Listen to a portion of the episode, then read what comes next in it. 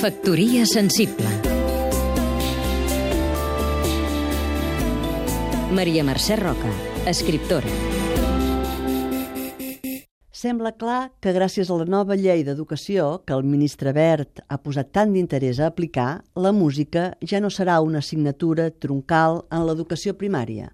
Ara serà optativa, cosa que farà que els alumnes que no la triïn, si no és que a casa seva tenen un entorn culte i musical o bé siguin gent acomodada, no en sabran res. L'escola pública, doncs, ja no serà igualitària. I què més passarà?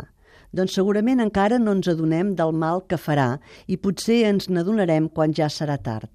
Un nen, una nena que no faci música serà més dolent en matemàtiques i li costarà molt més treballar en equip perquè quan cantes en un cor o toques un instrument en una banda, has de saber quan has d'entrar, quan has de callar, quan has de fer de solista o quan només ets una veu més.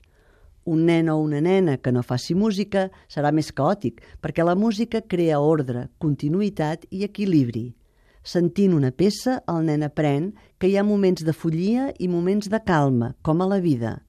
Com que no haurà après a escoltar els sons i els silencis, no trobarà consol en cap melodia quan estigui trist.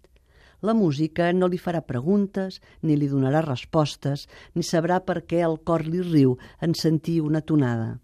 Tot això en Bert ho sap. No és que li sigui igual, és que vol que sigui així.